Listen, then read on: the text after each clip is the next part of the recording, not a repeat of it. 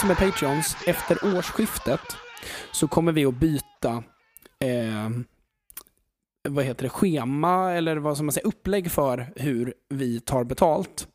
Eh, och, för jag har tittat på massa andra eh, kreatörer som använder Patreon och de allra, allra flesta eh, debiterar ju för varje avsnitt. Ja, det har jag också hört.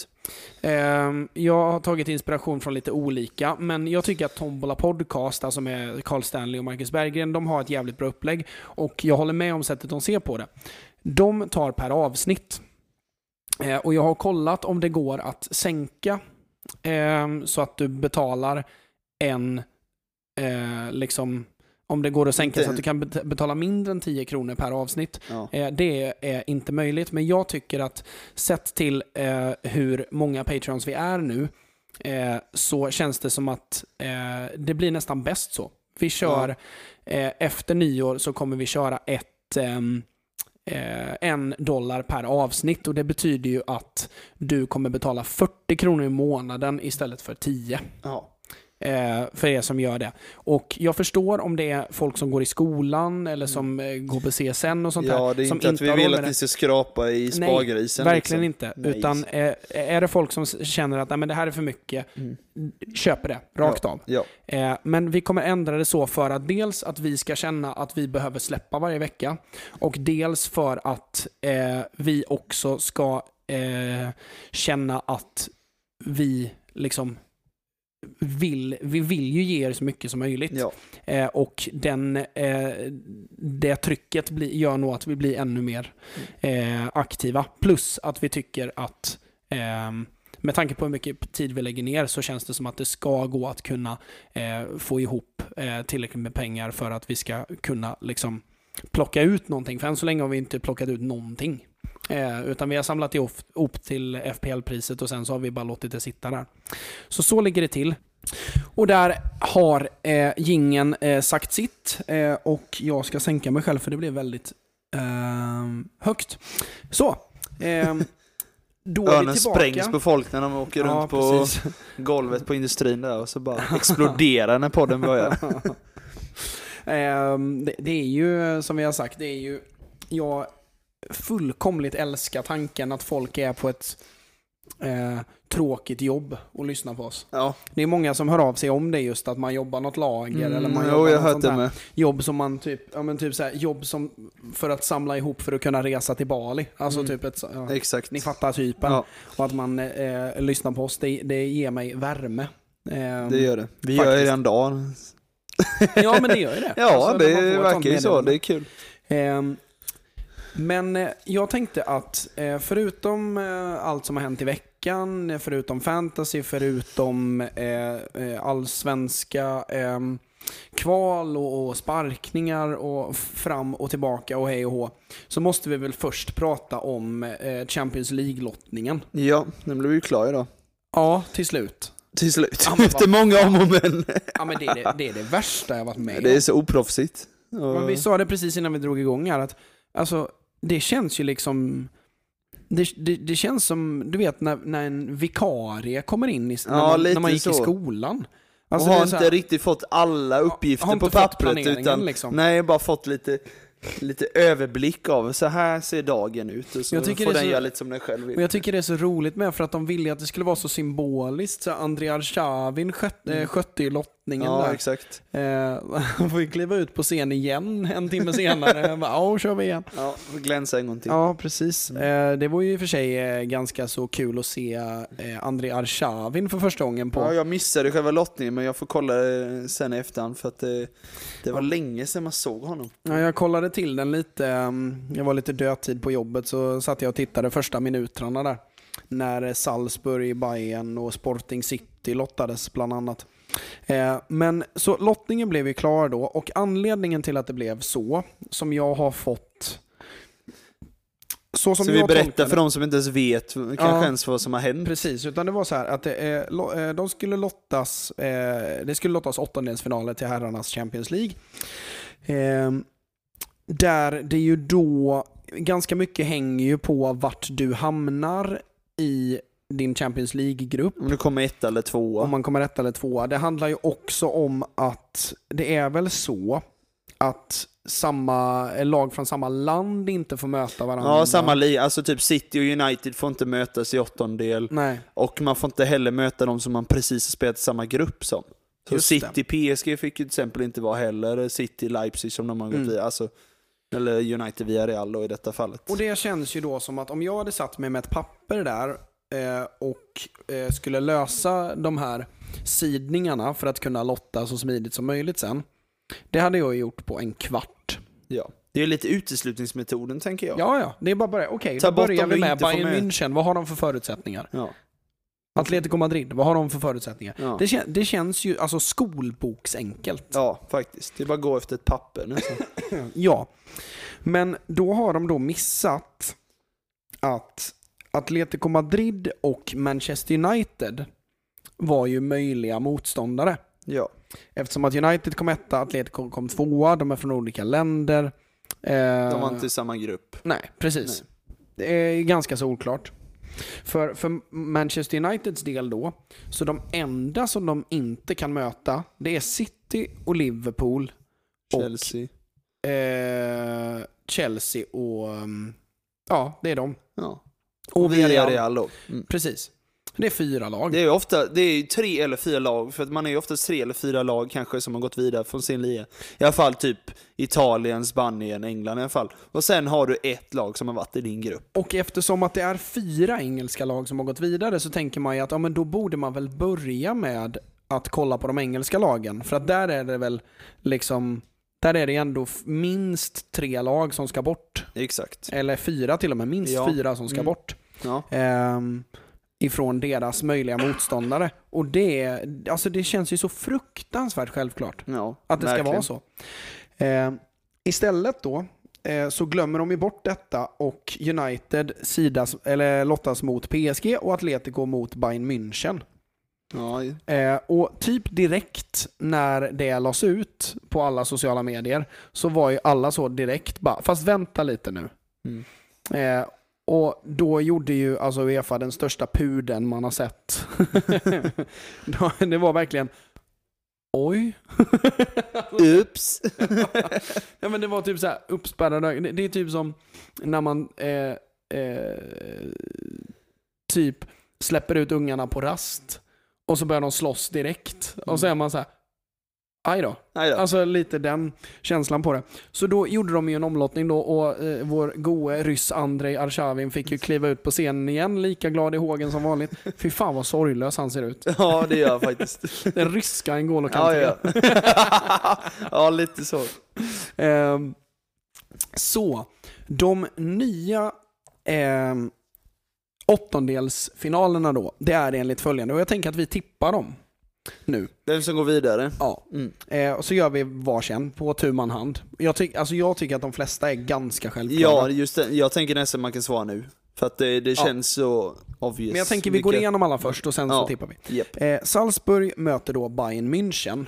Ehm, och Salzburg ska ju sägas är ju en... ehm, det måste ju, jag har det inte i huvudet nu så ni får gärna rätta mig, men jag kan inte minnas att Salzburg har spelat åttondelsfinal.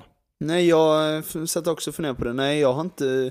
Jag tror inte det. I så fall är det max en gång senaste Mm. om de... Sen vet jag inte om de har varit förr, men det är ju ganska ny klubb så att jag tror inte att de har... Ja, den är väl, ti- den är väl tio år typ, skulle Ja. jag gissa. Och, Ehm, ja, då är det jag max tror att de startade samtidigt som Leipzig. Jag Ja, tror att det var sånt. hela satsningen, liksom Ja. att Salzburg skulle vara farmarklubb eh, till Leipzig då. Ja, tror jag. Ehm, borde jag ha koll på med tanke på att vi har Röja Ralf i vårt Mm. eh, lag nu. Eh, och sen är det Sporting Man City. Eh, sen är det Benfica Ajax. Den ska jag se. Den blir intressant. Den blir rolig. Eh, fyrverkeripjäs. Chelsea Lille. Eh, Atletico Madrid Man United. Villarreal Juventus. PSG Real Madrid och Inter Liverpool. Ja. Där har vi åttondelsfinalerna och det känns ju eh, som vi sa ganska så avgjort i en hel del utav dem. På förhand, ska På säga. förhand, ja ja, för bövelen. Alltså, ni får ju, ju, allt kan ju hända. ja, Eh, och det är det som är det fina med CL, just att det kan hända ännu sjukare grejer när det är dubbelmöte. ja verkligen. Att eh, är det en match som är död i första mötet så kan det ju bli 3-3 nästa. Ja, exakt. Ehm, men Kan ju sägas bara att de har ju, vi pratade om det innan, att de har tagit bort det här med bortamål också. ja, det, vi kan väl fastna på det först då kanske. Vad, jag blir inte riktigt klok på den. För grejen är så här, om man ska se till rättvisa och om man ska se till vad det tillför eh, till liksom hur rättvist en av, ett avgörande är så känns det ju som att, alltså man fattar varför den kom till Ja, eh, för att det skulle vara mer fart och fläkt i matcherna. ja. Det känns ju som att det är... Och för att det ska vara, eh, för att du ska behöva liksom trycka på även på bortaplan tror jag lite. Ja men precis, det ger ju ett fröjdigare Mm, möte generellt. mm. Ehm, men nu när den är borta så undrar jag vad man har, alltså det ska bli intressant att se om, om eh, lagen liksom märkbart väljer en annan approach. Liksom. Ja, jag är med. Jag tänker typ ehm, som i, eh, ja men alltså den här typ PSG Barcelona grejen där liksom. Ja, den stora Att vändningen. Anledningen till att det blir en så otroligt sjuk match, det är just för att det är ett bortamål som gäller. Ja, Eh, och PSG gör, vad är det, 4-1 ja, tror jag det. Som helt plötsligt innebär att Barca, trots att de leder med 4-1, behöver göra två mål till. ja. Och det är det som är hela prylen. Ja, det den anledningen så köper jag varför man har haft det och tycker det är bra. Men jag är lite så här. När man har tittat på det senaste åren så köper jag varför de tar bort det. För det har, alltså med sådana matcher där det inte slutar 5-1 i första mötet eller 4-1 Ja, liksom. Utan det slutar 1-0 och 2-1 i matcherna. Då blir det, då väger det bortamålet så sjukt tungt. Mm. Tycker jag och det har märkts på många matcher och lag med. Att Ja, och det är ju det är fan mig in... alltså det blir nästan två mål i vissa matcher som det är värt liksom och det gör ju att mm, då blir det, jag, det nej, jag vet inte vad jag ska, hur jag ska förklara men det blir lite för mycket. och jag tycker att det nästan har blivit, alltså eh, generellt så tycker jag att det nästan har blivit så att hemmalagen är återhållsamma. För de vill inte släppa in mål på Nej, för hemmaplan. att det är så farligt att släppa Mm, in bortamål, precis. jag håller med. Så Det blir lite fel jag tycker nästan att det blir antingen så får du göra så, alltså det kanske blir lite väl eh, sci-fi och rymdskepp utav det och nästan som ett VM. Men alltså frågan är vad som hade hänt om man hade kört ett möte på neutral plan. Ja, Alltså säg att man spelar eh, Salzburg, eh, Bayern i Italien. Italien. Ja. Det enda där då är ju att alltså, det blir ju ganska svårtillgängligt för supportrar såklart. Mm, det är ju det. Ehm, men, Och då, då blir det om liksom... den tanken har varit uppe sen Ja, när det- de diskuterar detta. ja. Skulle inte förvåna mig, men det är nog som du säger lite supporter och lite annat. Det blir li, lite, lite krångligare. För det var ju det de sätt. gjorde i, när det var covid. Ja, alltså exakt. året när Bayern München vann. Mm. Så körde de ju precis så. Mm. De spelade liksom, alltså det var typ så här Bayern, Barcelona på, eh, alltså Mestalla typ i Mm. Valencia. Alltså det var, jag minns inte om det var den arenan, men det Mm. var det, det konceptet. Ehm, men det byggde ju på att det inte var några fans där. Ehm, men det ska bli intressant att se nu när, Mm. om, om det blir liksom märkbar skillnad. Ja, det kanske exakt. är så att det nästan blir omvänd psykologi där, att de som är hemmalag verkligen trummar på. Mm. För att de känner att de har trycket med sig Ja, också. och inget att förlora liksom. Nej, exakt. Utan blir det 4-2 så är det 4-2. Då vinner vi ändå första mötet. Då, då kan vi kryssa det, då, står, bortaplan då står det 2-0 i nästa möte. Exakt. Ehm, Risken är ju att en del av de lag som är väldigt bra defensivt är att de försöker hålla liksom ett 0-0 borta, sen bara kötta hemma. Ja, liksom. så, såklart, det, det, Det finns, blir ingen, finns ingen gyllene stig. Nej. Men Salzburg Bayern München känns ju så eh, nästan som Bayern. den mest avgjorda. Japp. Ehm, men eh, jag diskuterade med eh, Otto som var med för två veckor sedan. Ehm, min tränarkollega. Vi jobbar ju på samma jobb så vi hade rast samtidigt idag och då snackade vi om det. Att jag vill se Nagelsmann när det gäller. Mm. Ja, det köper jag. När han har pressen på sig. Ja. Ehm, det ska bli intressant att se för att eh, jag har inga som helst tvivel om att Bayern München kommer gå vidare.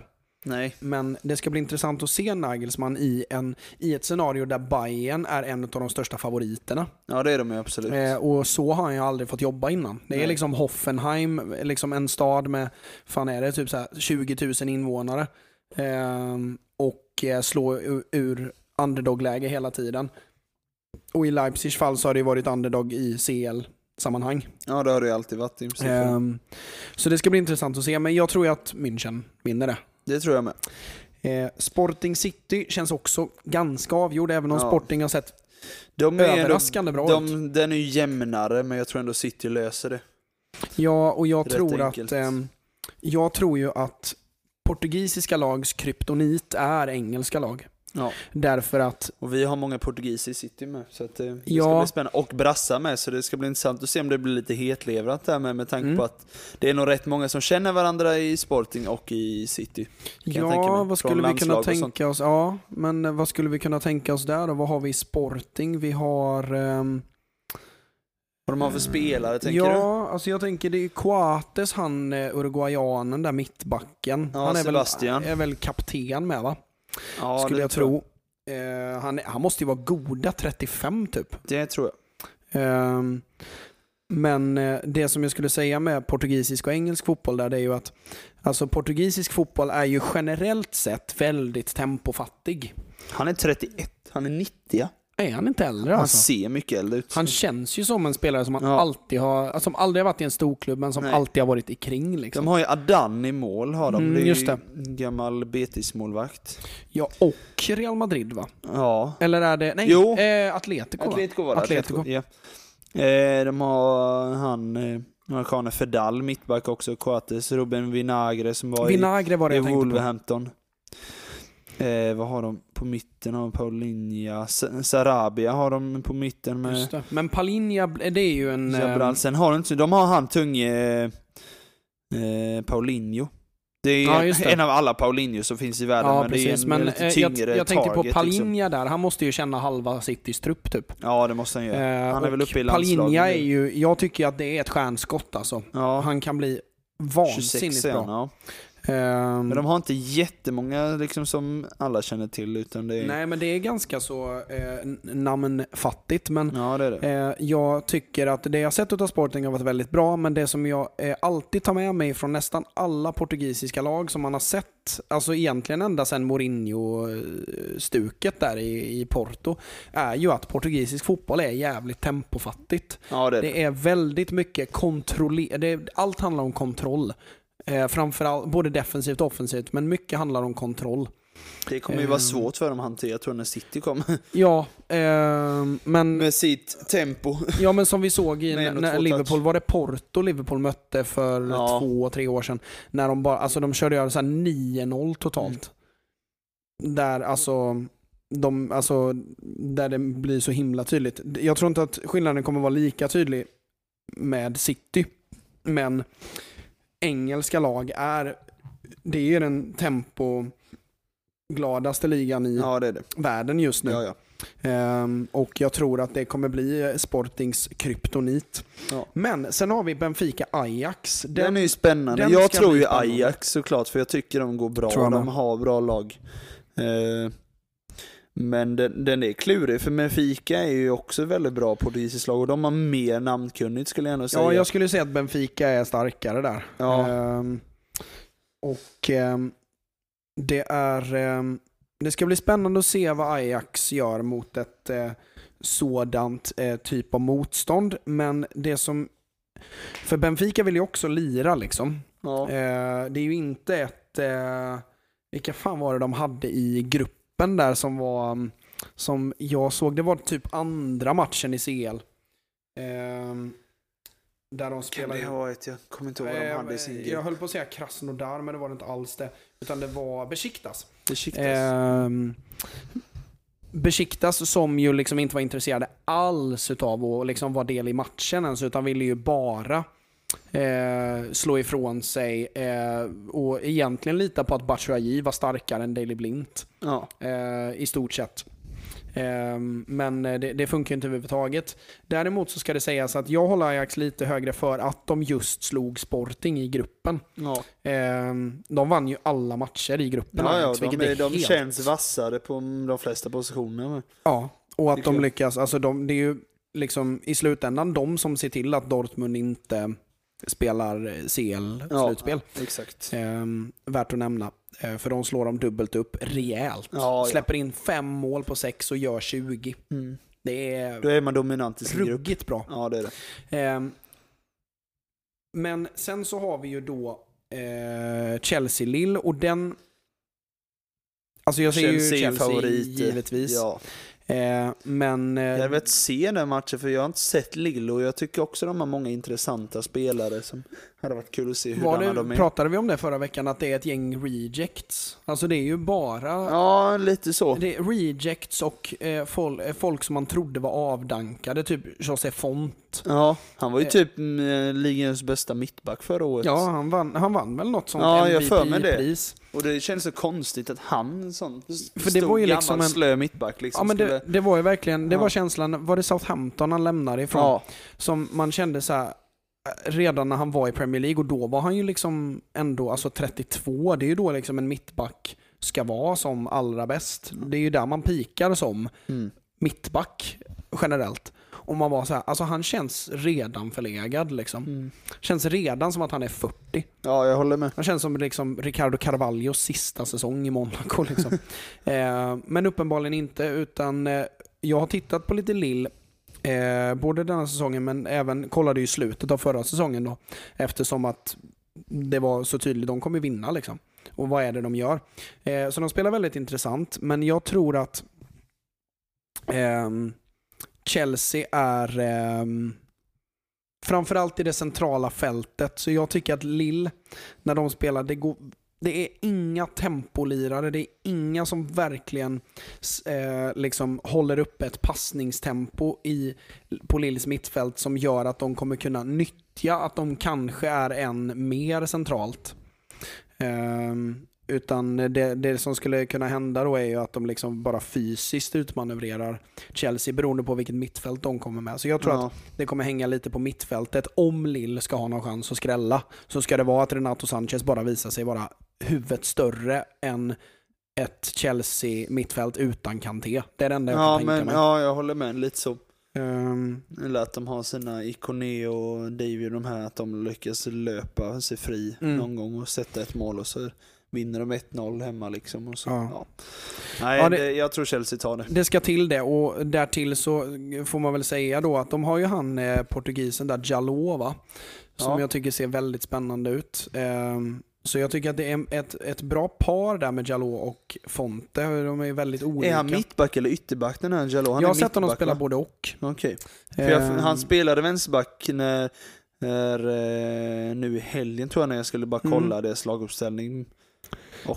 Jag har hört att han är rätt duktig. Mm, jag, jag har sett honom en del. Ja, han är, Mm. han är fysisk. Ja. Ehm, väldigt fysisk. Och ehm, jag tycker att ehm, de, de kryssade ju ska ju sägas i, i helgen mot, Ja, eh, mot Lyon. Ja. Ehm, men eh, där ehm, han, han spelade i vänsterback då. Men de har ju Båtman där och han... eh, Ja, Sven Båtman ja, Ja. det ser ju, han, han ser också spännande ut, vet, 20 år gammal. Ja. Eh, eller 21 eller något.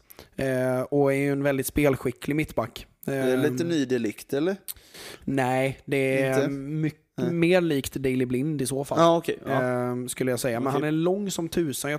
Han måste vara 1,95 typ. Mm, okej. Eh, så lång och stor men jävla fin passningsfot. Eh, och sen är det ju han André då som jag aldrig blir klok på för jag tycker verkligen inte att han är bra. Men, Ja, han eh, inne i mitten? ja. Nej. Jag, jag har sett honom flertalet gånger och har aldrig fallit för vad är det, vad är det de har i honom liksom. Ehm, och så Renato Sanchez bredvid då. Ehm, Är det Bamba och Ikoné de har på Ja, kanterna va? det är det Det är oftast. ganska snabba yttrar Ehm, liksom. Ja, Bamba är ju mer utav en kreatör och Ja. Ikoné är lite mer utav en djupledsytter. Liksom drar lite kopplingar till typ Rashford Ja. eh, när det kommer till Ikoné. Eh, och sen så är det ju ett väldigt spännande anfallspar där med Gilmas och eh, David. Ja, Gilmas som är lite mer av en allround forward och David som, alltså det jag sett utav honom, det är bara full fart framåt. Det är typ Patson Daka om man ska dra Mm, paralleller. Eh, men summa kardemumma, Chelsea. Ja. att, sen är det Atletico Man United och där säger jag Atletico. ja, det gör nog jag med faktiskt. Det känns så. Nu har United i och för sig börjat skärpa till försvaret och hållit nollan eh, två matcher i Premier League och sånt där. Men Atletico känns numret starkare och de har lite... Ja, jag vet inte. De känns, det känns som att de kommer hålla stabilare bakåt ändå. Även Alltså- om United, det sker i väldigt bra form nu så nej, men jag tror ändå på Atletico. Men inte med mycket skulle jag inte säga. Det blir nog väldigt tajt över Ja, matcher. men det blir nog en av de mest spännande. Jag skulle Ja. säga att de som det kommer smälla mest om, det tror jag är eh, Benfica, Ajax, Atletico United och Real PSG. Ja, Real PSG jag Ehm, men sen, eh, så jag säger Atletico där för Ja, att... ehm, Svagt, eh, men... För de ja. har inte heller varit jättebra i CL, så att det är just, Nej, De är inte de som man tänker eh, liksom håller nollan nästan båda matcherna och gör två, tre mål, utan de är, de är lite ojämnare alltså. men Ja. samtidigt så, ehm, om man minns eh, Liverpools uttåg ur eh, Champions League 2020, eh, så är det ju ett Atletico som alla tyckte underpresterade i ligan och liksom var inte jätteövertygande i gruppspelet och så möter man Liverpool och alltså på riktigt bara sopa bort dem. Ja, Ehm, och liksom inte spelar ut dem, för det är, det är inte så Atletico jobbar, men det kändes aldrig som att Liverpool var riktigt nära. nej, det håller jag med. Eh, och det kommer från ingenstans och det har att göra med att Simeone är en sju jävla matchcoach. Ehm, och ehm, det, ehm, det får man aldrig ta ifrån Atletico. Det är därför jag nästan alltid säger att Atletico kommer vinna i, en, eh, i ett slutspelssammanhang. För att det känns som ett lag som vinner en slutspelsmatch. Ja, det gör det. Jag håller med. Ehm, är det. sen är det Villarreal-Juventus och där Den är svår tycker är jag. för- skitsvår. Juventus Alltså Juve som, har ju fördel tycker jag ändå. Men Ja. det är... Ja, i och för sig jag har ju inte sett dem så i år. Jag har bara sett hur det går i ligan och lite resultat. Och några har highlights sett från dem i CL ett matcher. par Men gånger. det De- är... Ja. De har ju haft en rejäl skräll och det var när de slog Chelsea ordentligt ja. eh, i första mötet. Ja. Ehm, 3-0 tror jag det blev. Men alltså, det de... känns som ett så jäkla dysfunktionellt. Ja, jag vet inte lag, vad det som känns- händer. De ligger typ sjua i ligan också, sexa, sjua. Ja, och det är nya startuppställningar varje vecka Ja. och det är en Dybala oroligt. som är ut och in och som vill hem och som vill eh, bort och som vill stanna och som gör mål och som bänkas. Och det, är, Nej, det känns, Nej, det känns eh, oroligt, som att de är i gungning alltså. ja. Eh, plus då att man har ett försvar som är liksom äldre än eh, liksom mina föräldrar typ. Ehm, med, Och då tycker jag ändå Chesney är fruktansvärt bra målvakt. Men Ja, backlinjen är ju Absolut. Gammal som gatan liksom. Ja, och, eh, men eh, sen kan man vända på det och säga att ja, men är det inte ett rutinerat försvar du vill ha i ett slutspel? Jo, Jo. kanske. Det, Och det är klart man ville ha med Chiellini, Bonucci, Buffon till exempel. Det är, Ja. det är ju bara ett exempel. Men det känns som att den här rutinen bidrar inte på det sättet. Det bi- den här backlinjen bidrar inte med rutin känns det inte som. det bidrar ju inte om resten är helt eh, upp och nervänt. Liksom. Nej, men lite så. Ehm, Ja, det blir, den blir också lite intressant för den, den känns nästan mest öppen. ja, Den och Ajax Benfica känns nästan mest öppen, ja, tycker jag. men eh, du säger Juventus då? Åh, alltså. Jag vet inte, det är ju, jag tänker i och med, alltså sådana större klubbar brukar ofta palla, alltså ha mer när det väl gäller sånt där, men det är, det är hårfint alltså. Men jag säger Mm. nog Juve ändå, för att jag tror ändå att de mäktar med för att de har några lite större stjärnor ändå. Ja. Kulusevski avgör. ja, precis. Men då sticker jag ut hakan och säger Villarreal då. Så har vi två, så har vi olika där. För Ja. jag, jag tror att eh, det kan bli, för du vet Villarreal är ju en sån, det är ju också en sån Hoffenheim-klubb. Ja, ja, ja. Det är det. Det, det är Spaniens Degerfors liksom. Ja. Eh, så um, kallas ju för gula ubåtarna med. Det Ja, gillar man ju. vet. Och det är ju där de är ifrån, det är väl ganska litet med. Ja, Alltså, men det är det jag menar. Det, ja, de är från en sån pytteliten det är typ stad. 40 000 pers ja, eller något. det är helt knäppt Mm. egentligen. Ja, det är det. Eh, och det är väldigt roligt Det är halva Camp Nou. liksom. Ja, precis. Det är så himla Exakt. knäppt Mm. att de kan vara i, liksom, i Champions League slutspel. det är inte ens halva Camp Nou. Nej, det är ju inte det. Det är det jag menar. Det är så sjukt. Det är så jävla kul. Ja, hjälp. Så här, Villarreal får, eh, säga är så här möte i, i spanska ligan. Så här, de bara, Cupfinal mot Barca. Ja, Och de så. bara, ja men ni får en eh, kortsida och de bara okej, vi får nog ta med borgmästaren med på det här för helvete, här behöver vi folka. ta med era nyfödda, Ja, eller för hur? fan. Ta med släktingar, alltså vi kan fylla ut den här. Har vi någon utanför stan med Ja, som är? Nej. eh, men eh, PSG Real då. Som känns... Spontant känns PSG. Inför säsong så hade jag ju sagt PSG med råge. Ja, men nu säger jag PSG med lite för det. Ja. Tycker jag. Jag... Real går ju bra, men det Mm. bara känns som att...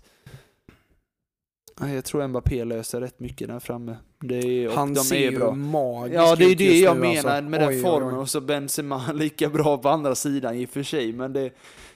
Ja.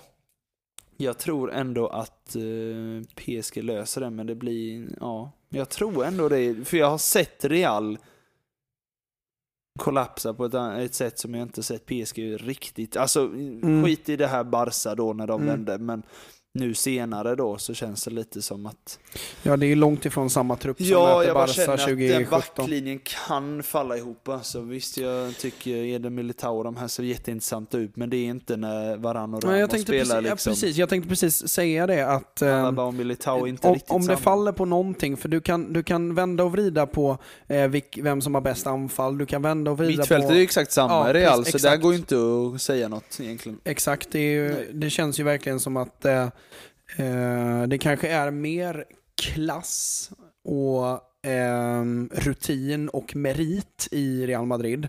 Ja, när det, det är kommer det. till mittfältet. ja, det är det ju. Mycket. Ehm, såklart. Efter, alltså så här, Casemiro, Kroos, Modric. Mm. Det är royalitet. Ja, ja. Men, ehm, men du kan säga om PSG att de har en eh, bra mycket större bredd på Det sitt de. mittfält. De har ju, de, det är lite Chelsea-vibbar där. Att de ja har exakt. fruktansvärt många olika Man har sju spelare på samma nivå, typ. Ja, men precis. Och som är bra på olika saker. Exakt. Men jag tror att det kommer ner till försvaret och där är Mm. PSG snäppet vassare, så jag säger nog också Japp. PSG. Sen har vi inte Liverpool och där tänker jag att eh, Liverpool löser det. Liverpool bör lösa det. Inte spelar vi med trebackslinje med va? Mm, lite varv Ja va? men tre Mm. med win, 3-5-2 har jag sett mycket, Ja. lite wingbacks. Jag tänker Perisic ska försvara mot Salah, det kommer nog bli jobbigt om, till exempel. Ja, ja absolut. Det, om han det, spelar, han kanske inte spelar alla matcher men det, Men, det bara ehm, känns som att Inter inte riktigt kommer palla alltså. Nej, däremot så... Alltså, Men på Anfield tror jag de blir överkörda nästan så att det, Ja, men på ett och annat sätt så tycker jag nästan att... ehm, alltså, jag beundrar Inter lite eh, för att de har ju alltså en trupp med ganska många spelare. det är ju eh, bra spelare alltså, det Mm. säger jag inte annat om. Och spelare som man har lyckats få en andra våg utav. Exakt, det var, det var Perisic, också det jag tänkte, Perisic. Sanchez, eh, tidigare då Ashley Young som Mm. i, idag är Aston Villa, men han startade ju liksom rätt så ordentligt. Mm. Vidal, ehm, det är ju spelare som man inte tänker så mycket på idag, men som fortfarande är, är hög klass. Mm. Sanchez har ju verkligen kommit igång nu också i, Mm. i De Inter. och- Lautaro Martin, Lauts, ah, förlåt, Martinez. Lautaro Martinez. Ja, Lautaro Mm. Martinez heter. Och Inter leder ju ligan ganska Mm. så klart nu. Napoli har ju tappat det senaste. Eh, och såg värt det. att nämna är att Inter har släppt 15 mål hittills. Det är lite. På 17. Men de har ju Handanovic i mål, det är ju en grym målvakt. Ja, det är det. Men även eh, hela, eh, hela backlinjen där är... Skriniar har ju- är ju också en sån som, han var ju snack om att skulle gå till Real och allt möjligt för ett par år sedan. Det är ju den där tredje platsen som har varvat lite. Eh, det, det är ju De Frey och Skriniar. Ja, ja De Frey är ju också Eh, jättebra. Det är så jävla gött med. Jag har ju en eh, kompis ifrån Nederländerna så jag har ju fått lära mig alla namn hur man uttalar Ja, dem. det är bra. Eh, eh, och s- Frey. men sen är det det, eller egentligen så är det De Frey. Alltså Frey. Frey. Ja. Men ehm, eh, sen är det Bastoni då som har spelat de två Mm. senaste, men det, det har vä- vänt och vridits lite där. Vad har de mer förutom Bastoni? Eh, ja du, det är. Radu har spelat Ja, en del. Ja. Eh, rumänen. Mm, exakt. Eh, sen har du spelat med eh, De Ambrosio. Eh, Som nästan är ytterback. Ja, Mm. men jag har sett honom, eh, ni får rätta mig om jag har fel, men jag har för mig att jag har sett honom lira mittback någon gång i år. Mm. Sen ehm, är det ju Ranocchia då, Ja, som är lite Ja, mer ehm, rutinerad än 21-åringen Bastoni. Eh, men jag skulle säga Liverpool, Ja, eh, oavsett. jag med. Men eh, som sagt, ett, De har ehm, den spetsen om det som är kommer något- avgöra. om det är något lag som, jag, som är närmast att skrälla så tror jag att det är Inter. Ja. Utav Jag dem. hade, jag hade trott det om de hade fått något annat lag än Liverpool. Mm. Jag tror att Liverpool blir för jobbiga i ett sånt här dubbelmöte. Hade de fått PSG eller Real, då hade jag ju trott verkligen på skräll på Inter. Jag kom på en grej nu. Mm. Är Salah och Mané tillbaka då? Det måste de ju vara. När är är det? första... Det måste ju vara, ja det är i slutet av februari. Ja, Ja, de är tillbaka. då måste de vara Jag tror tillbaka. de fixar sånt där så att de alla är tillbaka Mm. från sån... Det Afrikanska mästerskapen för er som inte vet nu i, vid nyår och framåt. Så Precis. då försvinner de två. Ja, Keita ehm, försvinner också i Liverpool. ja, det är många. Liverpool-spelare. vi kommer väl tillbaka till det Ja. i fantasyhörnan skulle jag väl gissa. Ja. Eh, om man ska vara lite eh, förutseende i, Ja. ur den aspekten. Men, Ja, lite kort. ehm, så ser ju CL ut och Ja. Jag tycker att, alltså, om jag ska vara helt ärlig så är jag Vilka två lag tror du är i final? Om jag bara ställer den frågan. Mm. Vilka tror du? Det kan vara kul att gå tillbaka och lyssna på och se om någon av oss har rätt. Mm. Jag tänker vi lägger ut våra tippningar ehm, på gräsrötter med. Ehm, jag tror att det blir det är något av de engelska lagen och det beror på hur det går för dem i ligan och hur det går i CL. Det är det ju. och det, Liverpool eller City skulle jag säga. Jag hoppas ju City såklart. mm, Och jag tror faktiskt eh, att vi tar oss dit i år. Grejen är så här, du vet. Förlorar Guardiola en till semifinal, det känns som att han tycker att det, det känns som att han tappar geisten då. Ja det tror jag nog. Det är därför Eh. jag känner att eh, det är nästan snudd på att man kan ge bort PL för en CL-titel i år. Det hade jag gjort. Ja.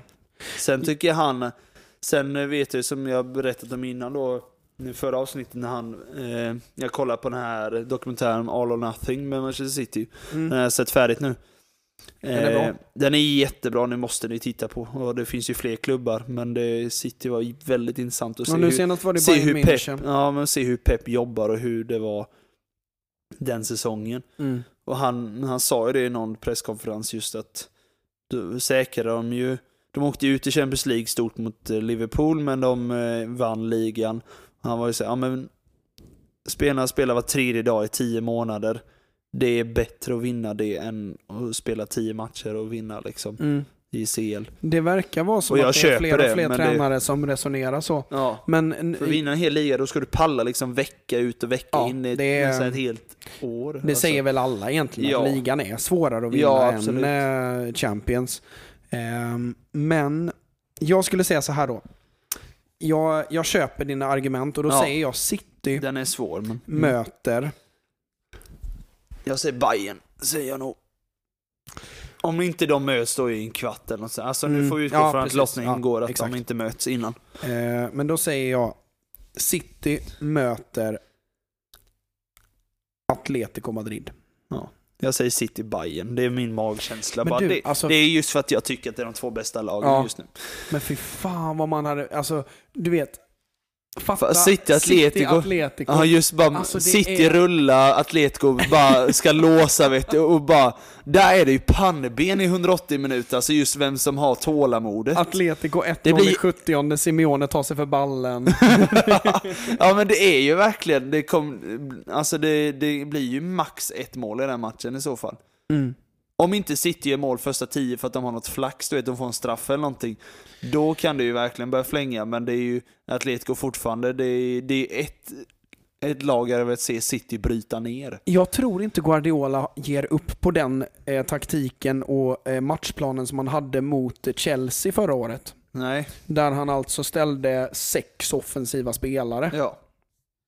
Ehm, Den var ju väldigt intressant för alltså, ni som minns elfinalen förra året, hade City gjort Tyvärr. mål på något av sina tre, fyra De lägen i skulle ha tio. gjort det, då hade det Ja. blivit helt annat. Och det, jag tror att jag sa det något avsnitt. Jag tror ju att hade det funkat så tror jag att Pep Guardiola hade ändrat alltså en trend i, i Ja. eh, det taktiska. Ja. Alltså för nästa säsong liksom.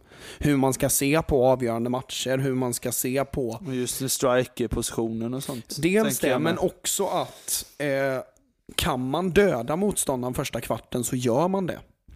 Han, ja det är ju, det pratar jag om även dokumentär med, att det är liksom så här. Varför vi leder med 3-0 i paus nu, varför ska vi ut och chilla i andra halvlek mot Swansea liksom, utan kör över dem bara liksom. Jag körde den eh, själv, nu ska jag inte jämföra mig med Pep här, men jag hade en liknande... Han har ju samma frisyr. Ah, så långt ifrån man kan komma. Nej, Rummel och rabalder i jämförelse.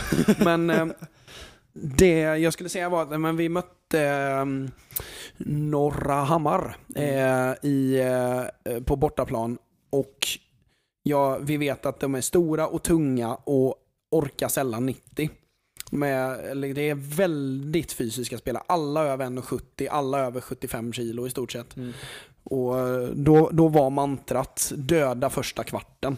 det är det ju rätt smart. Eh, och det gjorde vi ju. Och det slutade 6-2 tror jag i, eh, i slutändan. Ehm, och där funkade verkligen det. För där, där var det full fart framåt. Vi hade, eh, tror att vi hade typ sex eller sju inspel ifrån ytterback första kvarten. Ehm, och bara mördade dem helt och hållet. Jag tror det stod 3-0 efter, eh, efter en kvart. Mm. Och sen så um, eh, står matchen och inte väger för vi har kontroll på den. Men det, det var hela kontentan. Ja. Liksom, att eh, hade, vi, hade vi inte varit så aggressiva första kvarten så hade det blivit mycket jobbigare. Det är ju väldigt smart att göra det, för man vet ju själv psykologiskt just att ligger under med två eller tre mål första, bara första kvarten.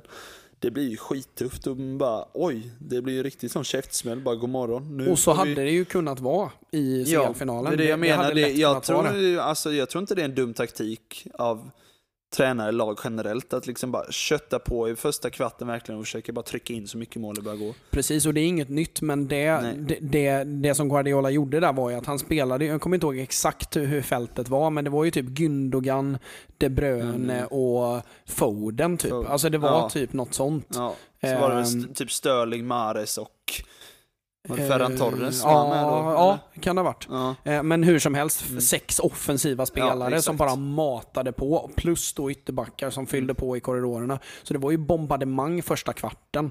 Eh, och jag tror att Guardiola, om han, alltså han, han vill ju vinna med stil. Alltså så är det ju liksom. Ska man vinna så ska man göra det snyggt. Eh, och ehm, han är ju liksom så pass eh, bra och City är så pass bra att de har möjligheter. Jag tycker att deras peak är, är tillsammans med Chelsea, Liverpool och ehm, Bayern München. Det är de som har den, den högsta, högsta nivån. ja, det det. Och frågan är om tusan är mig inte det är City och Chelsea som har den allra, allra högsta. Mm. Ehm, för jag, jag tyckte i början av säsongen att Chelsea hade högst peak utav alla. Ja, det hade de Ehm, faktiskt. Men eh, jag tycker att eh, Guardiola och City har bevisat det över längre tid än vad Tuchel och Chelsea har. Ehm, så jag edgar nog lite åt City. Ehm, men eh, ska vi... Eh, är det något mer vi behöver eh, diskutera? Nej, det är nej, inte med CL i alla fall. jag- Nej, jag tror inte det heller. Det är ju som sagt, man får avvakta och se lite när matcherna kommer sen efter nyår, vad, hur det går och sånt där. Ja, precis. Eh, men vi rör väl oss in i en liten sammanfattad eh, PL-vecka, för jag vet Mm. att eh, du inte har hunnit se så mycket. Nej, Ehm, det har så, varit så men mycket annat viktigt eh, i helgen så att det inte... personliga skäl. Ja, personliga skäl men eh, vi, vi rullar in en liten eh, kort Premier League-sammanfattning. Rulla ingen Simon.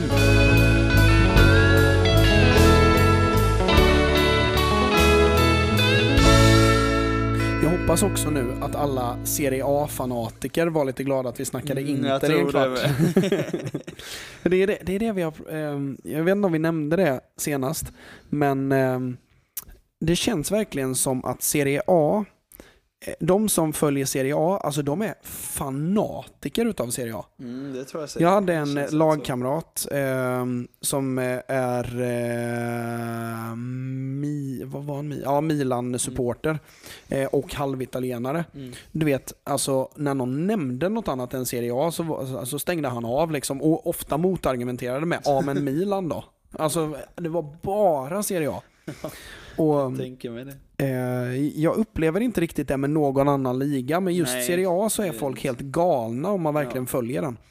Eh, vilket jag förstår och uppskattar, Ja. men eh, det blir lite trångsynt Ja, när, med. när man, Ja, det blir när man kontrar allt med Ja. italiensk fotboll. Ja.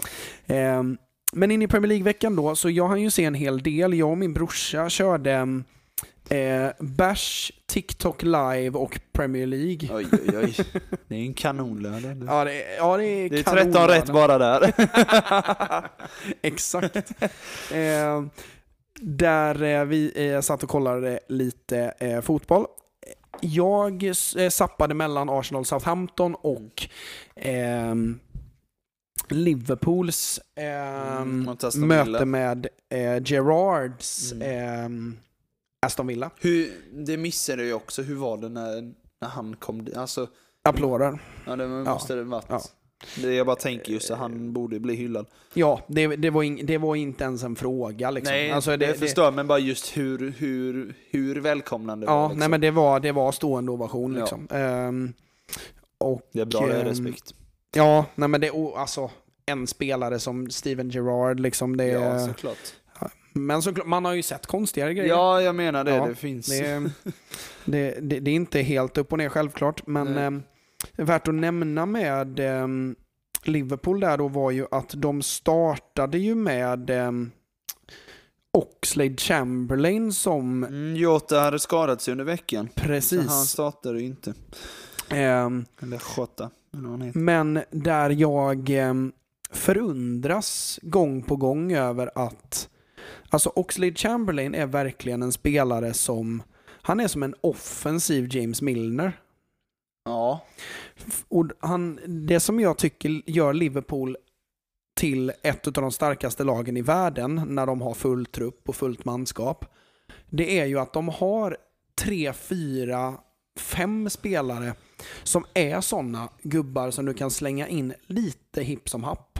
Och de gör inget annat än sitt arbete och gör det jävligt ja disciplinerat men och bra. lite legosoldater typ. Precis. Ja. Eh, legosoldater inom sitt lag. Liksom. Ja. Eh, där du har eh, bland annat då Fabinho som Mm. kan latcha både hållande mittfältare och mittback. Mm. Eh, du har en Henderson som kan spela både sittande och mer offensivt. I, Mm. i eh, lördags var han ju rent av den mest offensiva utav Ja, men trean där med Thiago. Fabinho och Henderson. Thiago vill vara lite sittande. Ja, och eh, Thiago ska sägas eh, jätteviktig för att Liverpool verkligen skulle behålla kontroll Mm. eh, rejält. För att eh, Aston Villa har ett par scares, liksom, ett par skrämselhickor, men eh, Al eh, Alcantara eh, ser ju till att Liverpool, dels är han väldigt viktig för eh, bollarna ut mot Robertson och Trent. För jag märker mer och mer att det är färre och färre bollar från Robertson till Trent. Det Ja, var ju okej. något år om det var 2020 där. Ja, då bara matar de Ja, till där det var varandra. va- hela tiden. Ja. Mata, mata, mata. Och jag tror att det hade att göra med att man inte riktigt hade en centralfältare som klarade av det, men man hade två ytterbackar. Som... Det är lite som United, att de inte vågar spela via mittfältet. Lite så. Lite så som vi pratade om för länge sedan. Exakt. Ehm, Japp.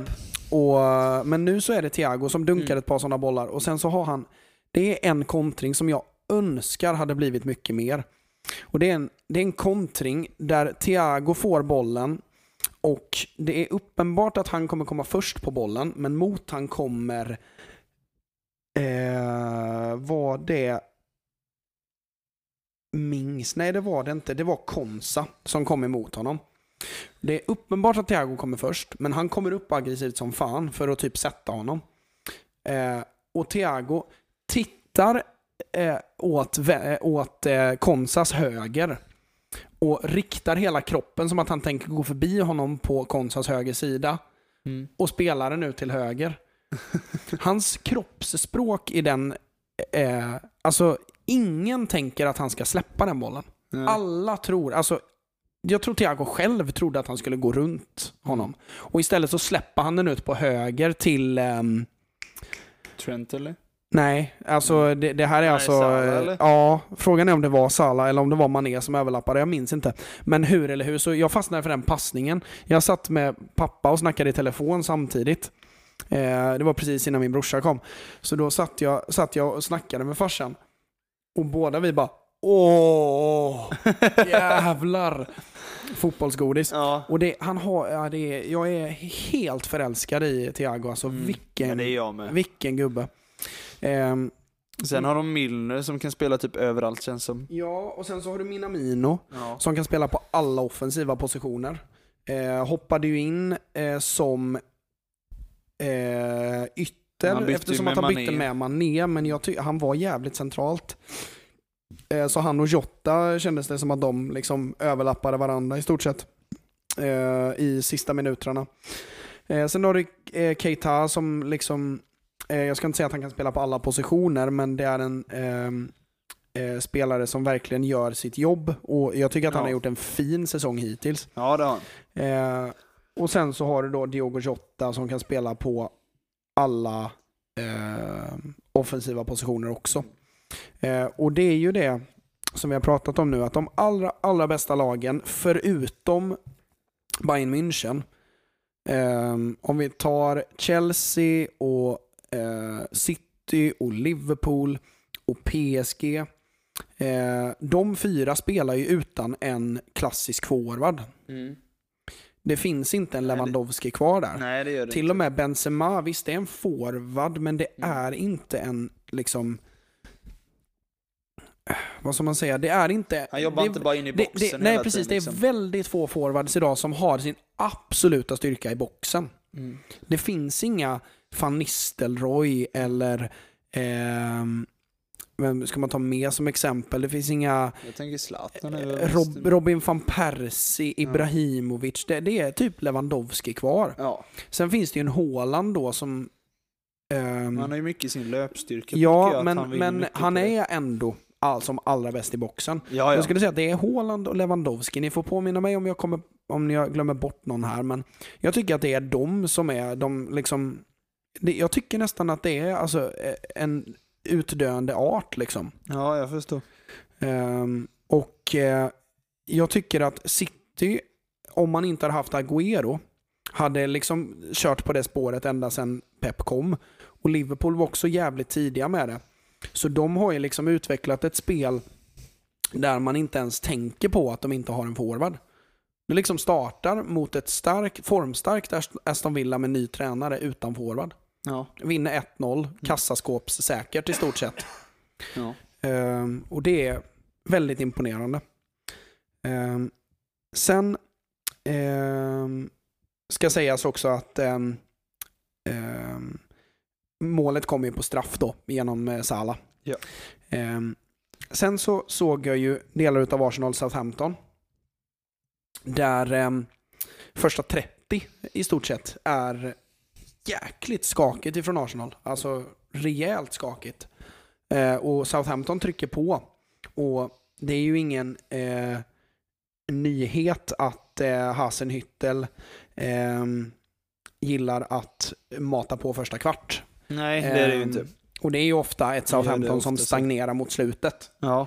Eh, men eh, där ehm, Arsenal inte bara kommer in i matchen Nej. utan andra halvlek är alltså spel mot ett mål. Alltså de mördar Southampton helt och fullständigt. Och jag är eh, imponerad utav Ödegård för han eh, strutar ju en gång till. Ja, det gör det. Tre må- matcher i rad han strutet. Och Bra form. han är i bra form Mm. och ehm, jag tycker att utan Emil Smith Rowe så får han vara mycket mer fri eh, och eh, behöver inte kompensera eller en byta position för att Emil Smith Rowe är överallt och ingenstans. Nej. Eh, värt att nämna är att jag håller fortfarande Smith Rowe över Ödegård. Ja, det hade jag också Men eh, det märktes att Ödegård var mycket mer bekväm utan eh, en, ehm, både Saka och Smith Rowe. För när både Ja. Saka och Smith Rowe spelar så är det ju rokad så det bara skriker om det. Ja, det, Saka in centralt och Emil Smith Rowe ut på kanten och Emil Smith Rowe droppar och Emil Smith Rowe går i djupled. Och så får Ödegård finna sig där någonstans. Men här fick han verkligen vara main man. Det var nästan lite Özil-vibes på vissa eh, delar utav spelet i andra halvlek då. Eh, och sen gör ju Gabriel mål. ja, just det. Det såg jag. Ehm, På hörna va? eh, stämmer. Mm. Ehm, Kul att nämna att Aubameyang inte var med i truppen. Nej, Han eh, hade kommit sent. Han har varit på semester och kommit eh, för sent, så då de inte med honom. det är det, Det är som- klantigt alltså. Kapten. Ja, det också. Alltså det, det, nej, det är därför jag inte fattar varför han är så kap, äh, att han är ens kapten. Men det, alltså så det är här, så konstigt. utav de som är... Nu, eh, Ramsdale kom in sent under eh, transferfönstret då. Eh, han kom väl sista veckan utav Ja, transfer, så där det. fattar jag att han inte är kapten. Men han är kaptensmaterial tycker jag. Ja, ja, ja. Ben White. Mm. Eh, Tierney. Eh, Xhaka som var kapten i Ja. eh, går då. Jag tycker La- Lacazette, Emil Smith Rowe och Saka. Alla de tre, och plus de som jag nämnde innan, håller jag ju högre än Aubameyang när det kommer till Kapten. kaptensmaterial. Ja, det det Men det också. måste vara att han är en sån, liksom, god kille i omklädningsrummet. Aubameyang. Ja, för jag menar, han är ju inte den som säger åh, han är den som levererar bäst på plan. Han är ju kapten av den anledningen heller. Nej, och det är klart det finns väldigt många olika anledningar för en kapten. Oh ja. Men jag tycker att Jag bara alltså, hittar ingen anledning. någonstans måste man se någonting på planen tycker jag. För, ja, det, jag håller med dig. Man kan ju inte vara sämst i elvan och ändå vara lagkapten. Det, Nej, precis. det, det, nej, jag vet inte. För att jag Framförallt tycker med sämst kapten... kroppsspråk. Ja, jag menar det. En kapten ska ju ändå vara en förebild både på och utanför planen. Ja. Frågan är vad som händer med ja. kaptenspinnen nu då, om Arteta faktiskt plockar den ifrån honom. Ja, det är inte omöjligt. Jag hade nog fan i mig gjort det. Jag har bara visat att det här är inte okej. Ja.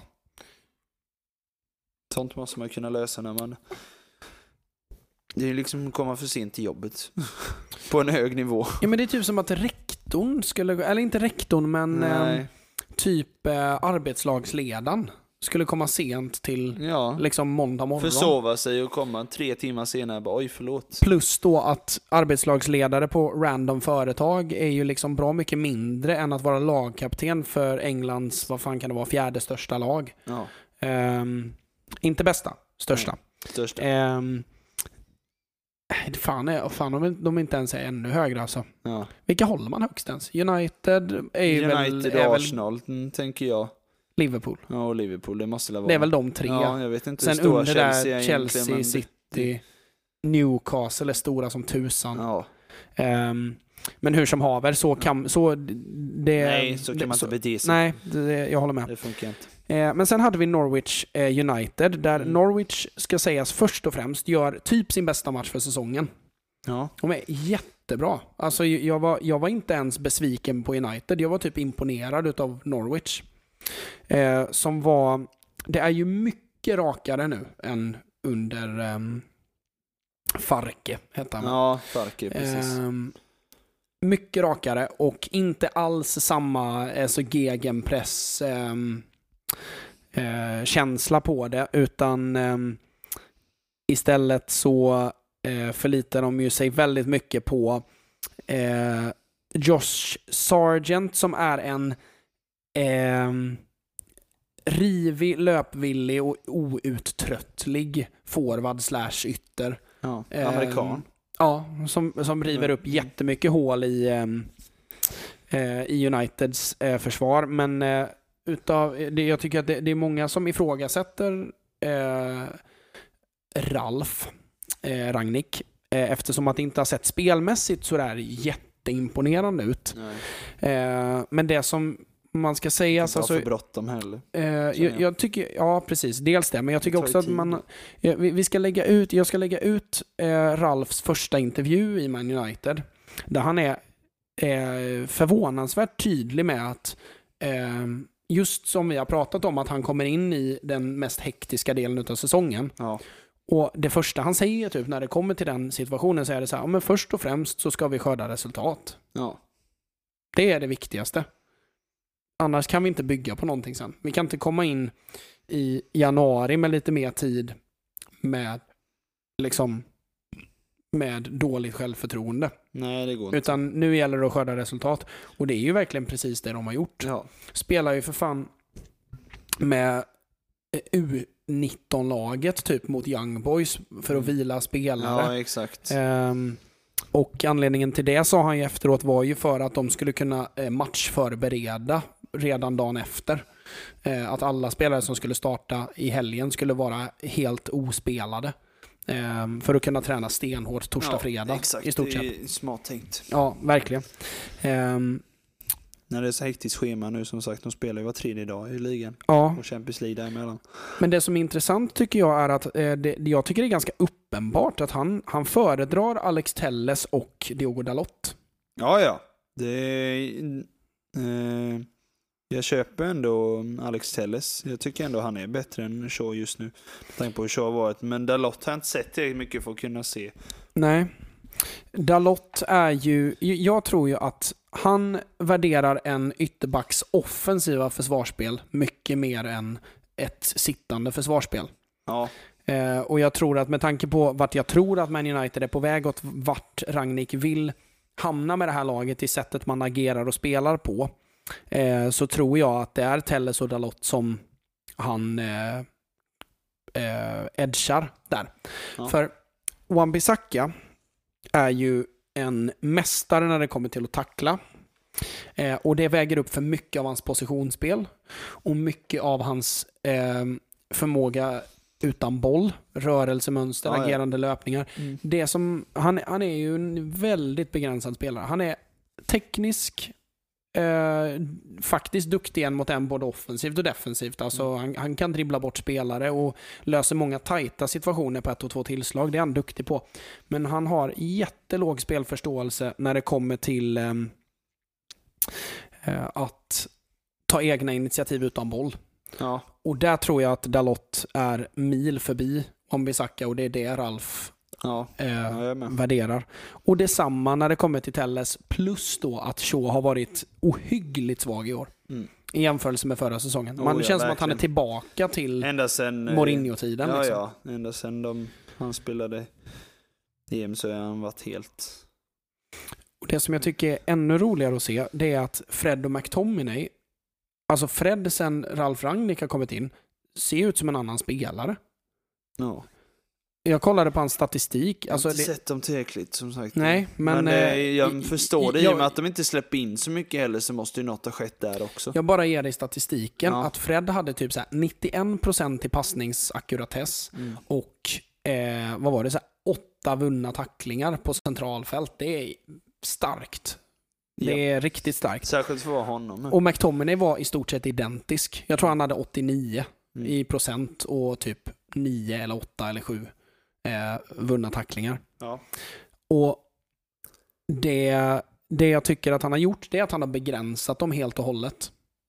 Till att du ska lösa försvarsspelet, du ska ligga på rätt plats när det ställer om och du ska fokusera på att försvara så mycket man-man som det går centralt.